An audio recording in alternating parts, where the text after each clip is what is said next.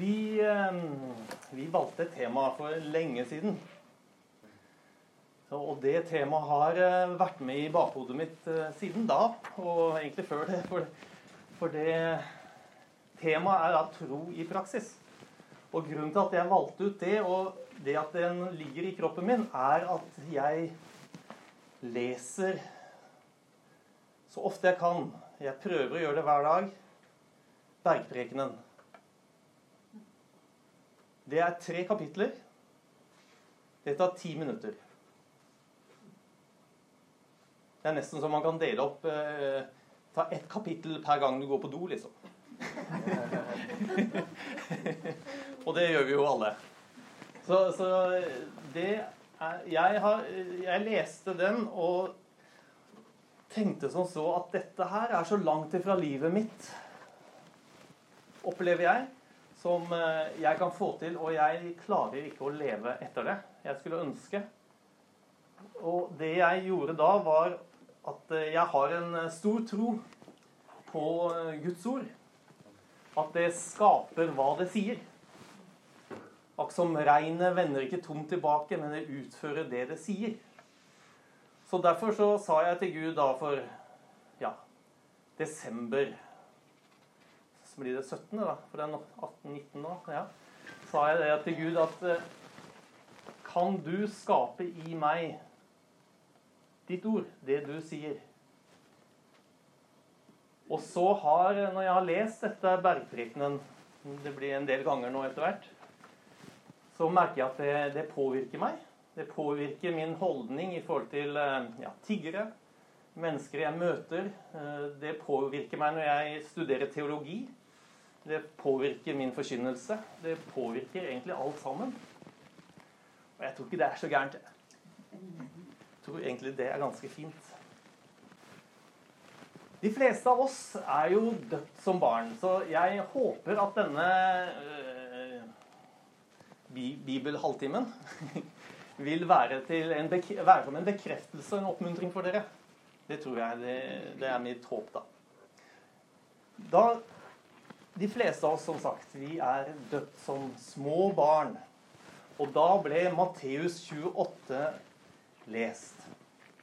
Jeg har fått all makt i himmelen og på jorden.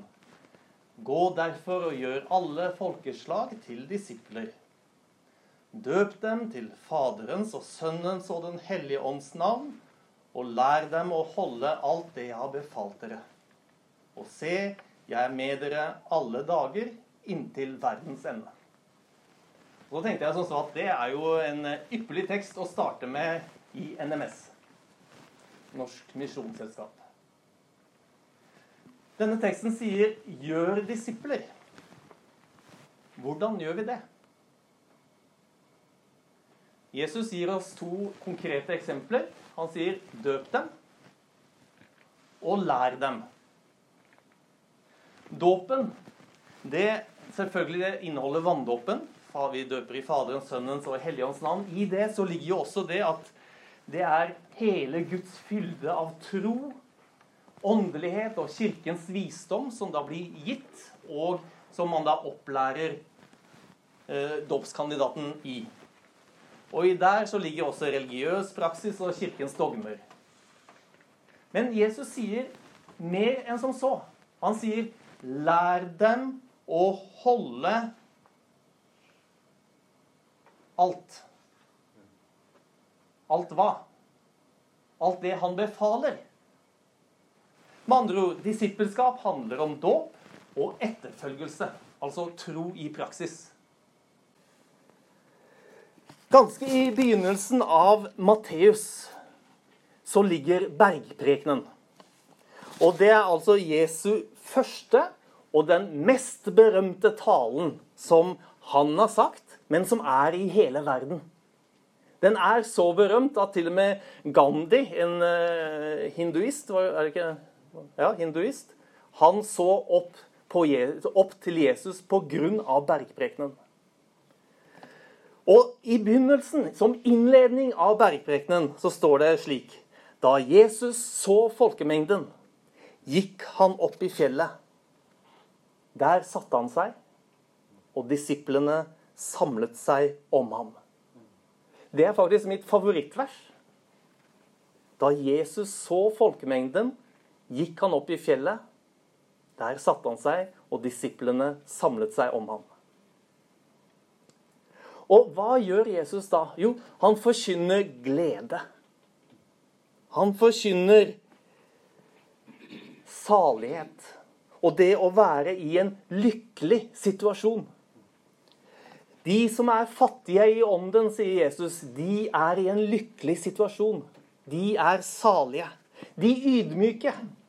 De som hungrer og tørster etter rettferdigheten. De barmhjertige. De rene av hjerte. De som skaper fred. De som blir forfulgt for rettferdighets skyld. Og de som for Jesus skyld blir hånet og forfulgt. Det er salighet. Da er du salig. Da er du i en lykkelig situasjon. Og denne saligprisningen, den Jeg tror ikke vi skal se på den som en sånn der, lov og påbud. Som en fy-fy.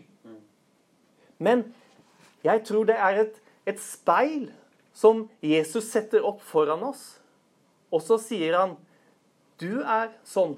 Du er salig. Du er fattig i ånden. Du er den som sørger. Du er ydmyk. Du er blant de som hungrer og tørster etter rettferdigheten. Du er barmhjertig. Du er ren av hjerte. Du skaper fred. Og sammen med den verdensvide kirke så blir vi forfulgt. For rettferdighets skyld og for Jesu navns skyld. Det er en beskrivelse av de som samler seg rundt Jesus hvor Jesus har førsteplassen. Det er flokken som lar seg prege av Guds bilde. De som Husker teksten? Da Jesus så folkemengden, gikk han opp i fjellet. Der satte han seg, og disiplene samlet seg om ham. Og derfor så er det ikke så rart at de er salige. For det er jo nettopp i nærheten rundt Jesus man er salig. Og bergprekene er derfor et frigjørende evangelium for dem, for oss, som flokker oss rundt Jesus. Og i Matteus 11, 28 så står det Kom til meg, alle dere som strever og har tungt å bære. Og jeg vil gi dere hvile. Ta mitt åk på dere og lær av meg, for jeg er mild og ydmyk av hjerte. Så skal dere finne hvile for deres sjel. For mitt åk er godt, og min byrde er lett. Legg merke til at han sier ikke 'Kom til meg, alle dere som får det til'. Alle dere som aldri strever, dere som får, hvor det går glatt og gjennomfører og er så fine og fromme. Det er ikke det han sier. Dere som strever, dere som har tungt å bære, kom til meg. Og disse menneskene som flokker seg rundt Jesus, de er ikke usynlige, og de er ikke umerkelige. De er salt. De er lys. Og det er det som er så fantastisk med salt. Det er det at det kan skilles ut fra tusener av andre typer mineraler. Det er bare å ta en liten smak, så kjenner du det. Eller bare for å se på virkningen av salt, så synes det. Du er salt. Ut av tusener av mineraler. Vi merkes. Vi kan kjennes. Vi kan smakes. Vi virker. Og så sier Jesus, dere er verdens lys. Et lys, dere. Det er synlig, det. Og Jesus sier det. Ikke sett det under en skjeppe. Ikke, ikke skjul det. Løft det høyt. Vær synlig. Og så sier Jesus, slik skal deres lys skinne for menneskene, så de kan se Hva da? De gode gjerningene dere gjør, og prise deres Far i himmelen. Og så sier Jesus videre, i vers 17 i Matteus 5 Det er ganske vanskelig. Tro ikke at jeg er kommet for å oppheve loven eller profetene. Jeg er ikke kommet for å oppheve, men for å oppfylle. Hva betyr det å oppfylle? Se for deg et glass som er halvfullt av vann. Det er et fint glass, vannet er fint, men det er ikke oppfylt. Og da loven kom med Moses, så fikk vi loven. Men loven var ikke oppfylt. Da Jesus kom, så oppfylte han loven. Han gjorde den perfekt. Han gjorde den fullkommen. Han viste hva som var intensjonen og hjertet bak loven. Sånn skal dere leve. Ikke, ikke, ikke pga. ytre tvang og pisk, men pga. en indre drivkraft.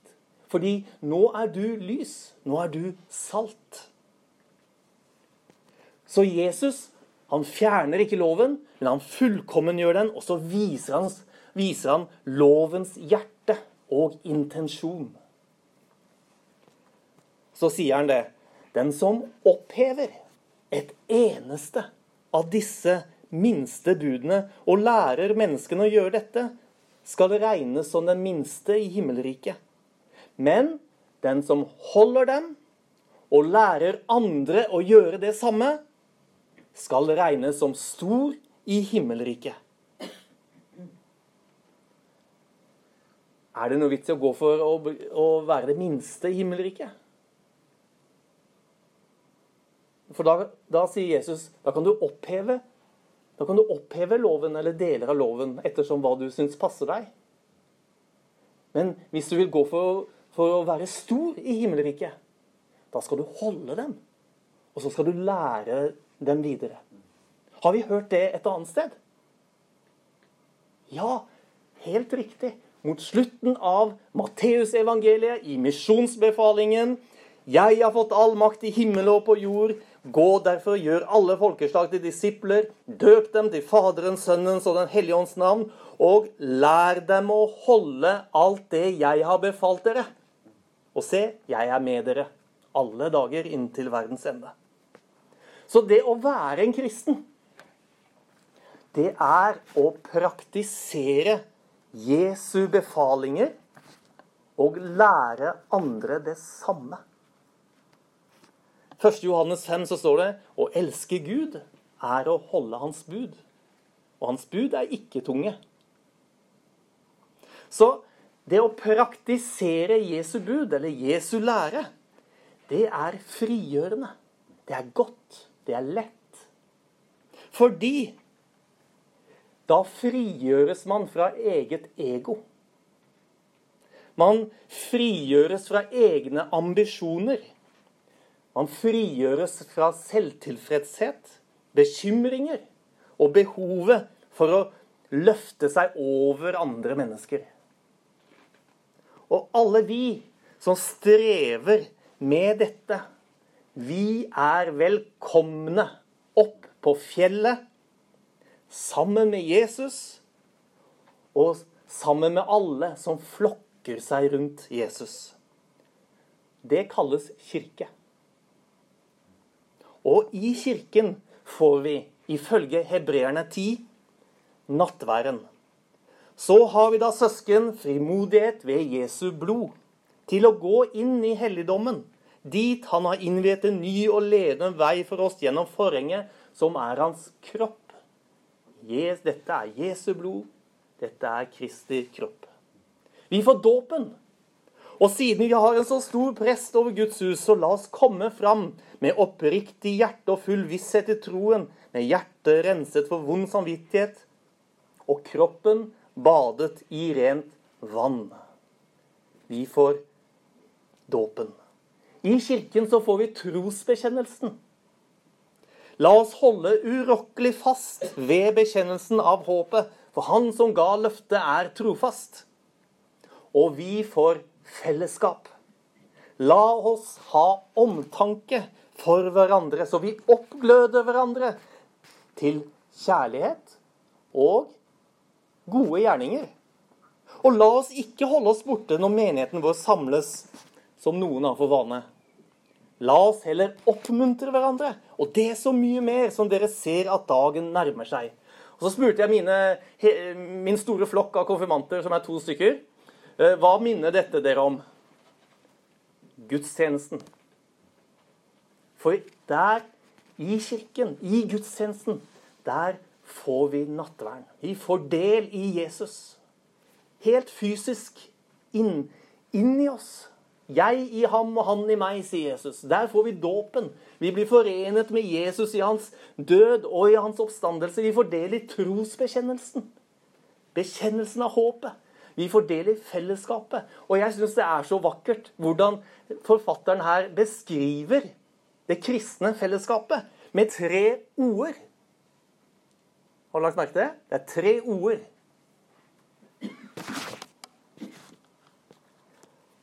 Omtanke. Oppgløding. Og oppmuntring. Hæ? Et sånt fellesskap vil jeg være en del av. Omtanke, oppgløding og oppmuntring. Ikke for de gode følelsers skyld, at man skal føle seg et eller annet, et eller annet fint.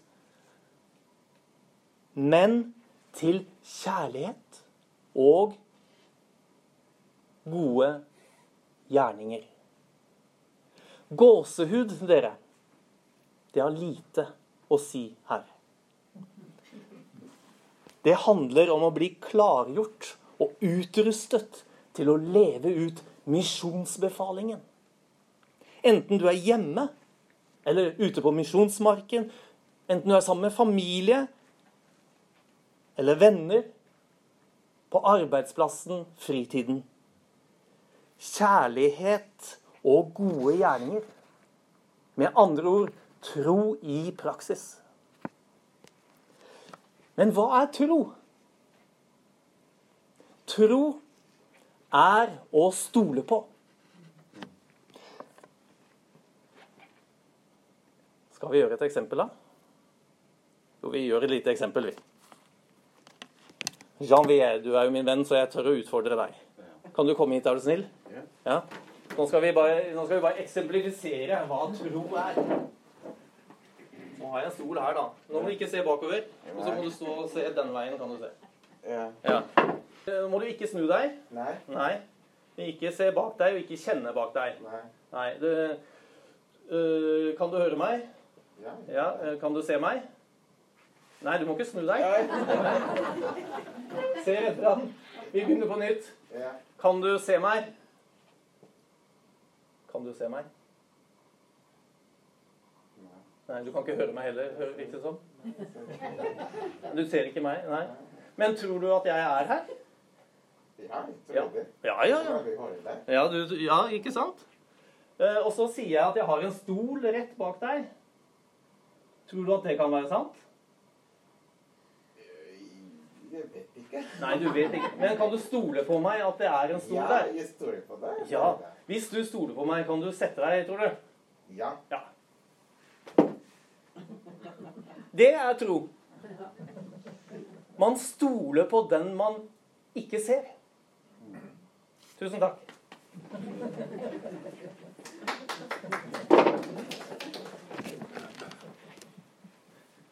Så Janvier han viste meg tillit med å våge å gjøre som jeg sa, selv om han ikke så meg. Tro Det var sånn han viste meg tillit. Det var sånn han viste meg tro. Og tro er altså sterkt tilknyttet til det å praktisere det du tror. For hvis Janvier hadde sagt der, sagt der, ja, jeg tror på deg, og så hadde jeg sagt jeg har satt en stol bak deg, eh, kan du stole på det? Ja Ja, og så sier jeg Kan du sette deg? Nei. Jeg tror jeg blir stående, jeg. Viste han meg da tro? Nei. Men han viste meg nettopp tro og tillit ved å gjøre som jeg sa, uten å se. Han bare stolte på meg. Det er tro. Det handler om lydighet i tro. Og det er slik Paulus forstår sitt aposteloppdrag. I Romerne 1,5 så står det Ved ham har jeg fått nåde og aposteloppdrag for at jeg skal føre mennesker av alle folkeslag til lydighet i tro. Til ære for hans navn. 1930-oversettelsen så står det 'troens lydighet'. Det var apostelen Paulus sitt kall. Å føre alle mennesker til lydighet i tro, til troens lydighet. Ja, tro, men ikke uten lydighet. Troens lydighet. Dette her gikk litt sånn, eh, sånn plutselig opp for meg. Jeg er veldig treg, det må bare sies.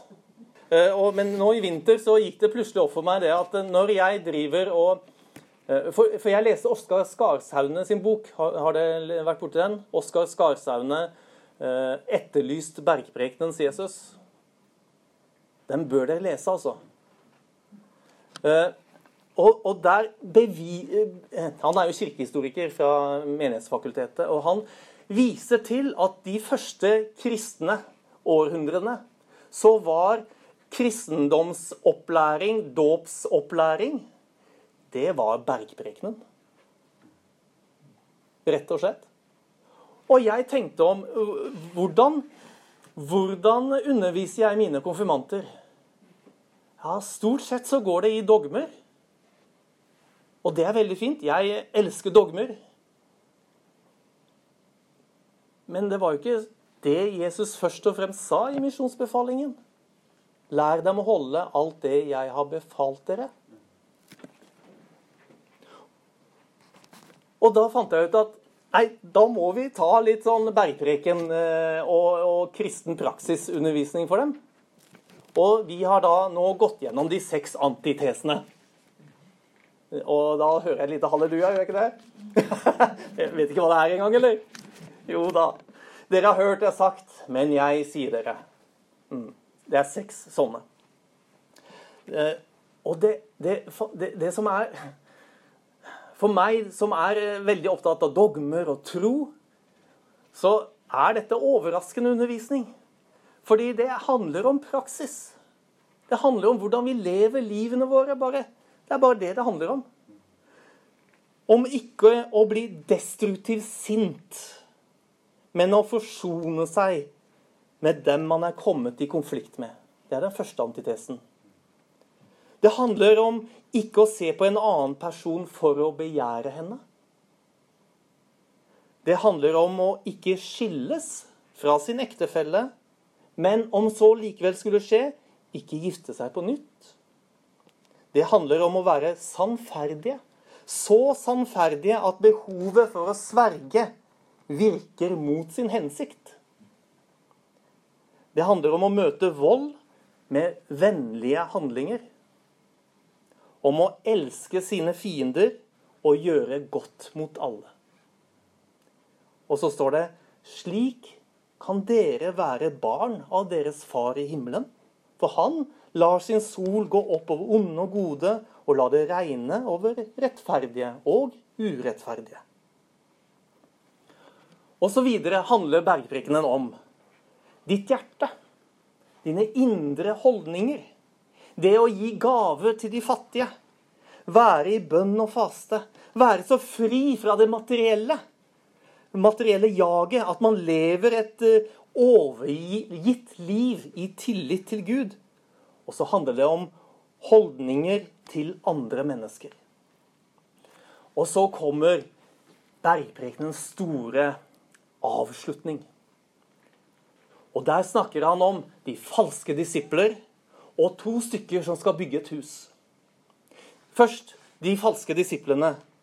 De har en rett bekjennelse, og de sier 'Herre, Herre'. Men hva sier Jesus?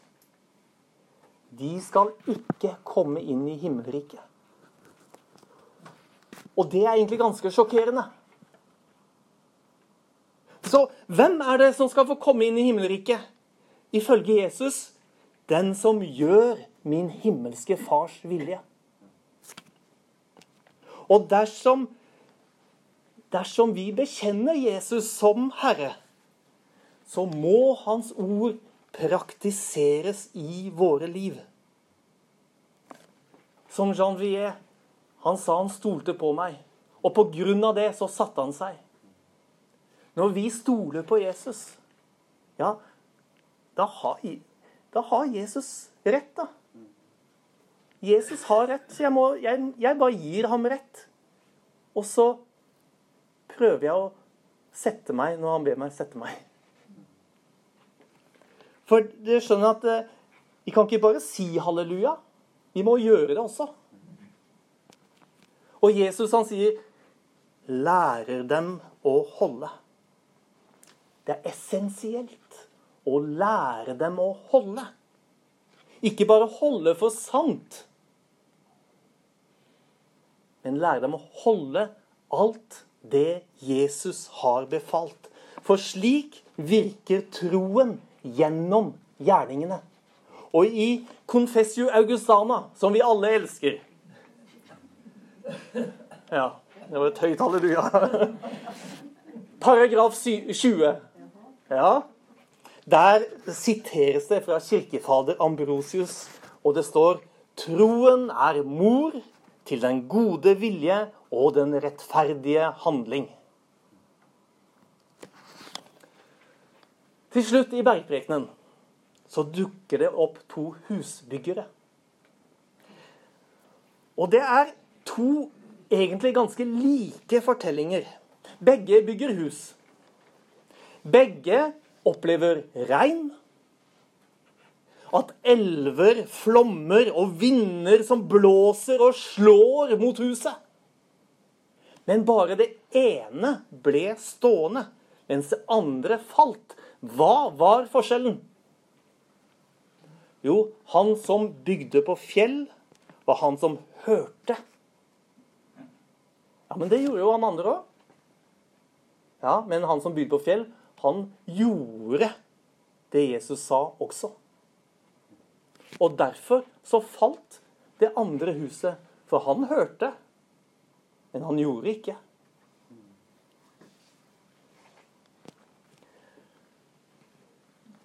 Høre og gjøre. Tro i praksis. Lær dem å holde alt det jeg har befalt dere. Så hva er det vi skal høre? Hva er det vi skal gjøre? Eller hva er min himmelske fars vilje, det som han har befalt oss? Sammenhengen viser oss tydelig at Jesus sikter til evangeliet om riket, slik han beskriver det i bergprekenen. Det handler om å praktisere og lære Jesu liv i ord, handling og holdning. Men like godt som meg så vet du at dette er umulig. Dersom vi ikke får med oss utgangspunktet. Det er derfor Matteus 5,1 er mitt favorittvers. Da Jesus så folkemengden, gikk han han gikk opp i fjellet. Der satte han seg, og disiplene samlet seg om ham. Målet for oss er det samme som for Jesus. Ikke folkemengden, ikke popularitet, men Guds rike og hans rettferdighet. På samme måte som Jesus forlot folkemengden, for å komme nær Gud på fjellet, så forlater disiplene folkemengden for å være nær Jesus på fjellet. Vi samles rundt Mesteren. Ikke, ikke rundt våre gjerninger. Og heller ikke rundt våre gode intensjoner, men rundt Jesus. Der gjør han oss salige. Og han gjør oss til salt, og han gjør oss til lys for verden. Og rett før himmelfarten så sier Jesus til disiplene Jeg har fått all makt i himmelen og på jorden. Gå derfor og gjør alle folkeslag til disipler. Døp dem til Faderens og Sønnens og Den hellige ånds navn, og lær dem å holde alt det jeg har befalt dere. Og se, jeg er med dere alle dager inntil verdens ende. Og som et lite barn overgitt i sine foreldres hender, som blir båret fram til Jesus og gitt til Jesus, så lyder dette over deg og over meg. Jeg tegner deg med det hellige korsets tegn til et vitnesbyrd om at du skal tilhøre den korsfestede og oppstandende Jesus Kristus og tro på ham. La oss be. Herre, Herre.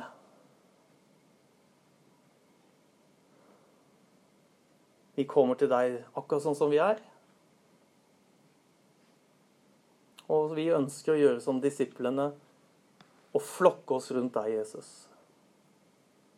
Og når vi har flokket oss rundt deg, så ønsker vi å ha tro og tillit. Vi ønsker å stole på deg. Og ikke bare ha rett bekjennelse, men faktisk være blant de som hører og gjør.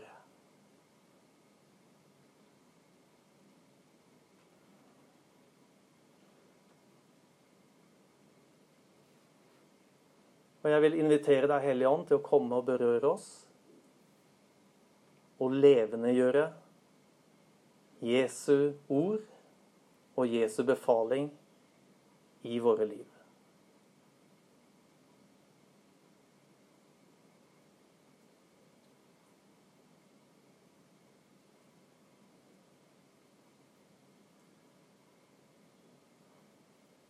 Velsign oss, Gud Fader. Velsign oss, Guds Sønn. Velsign oss, Gud, du Hellige Ånd. Amen.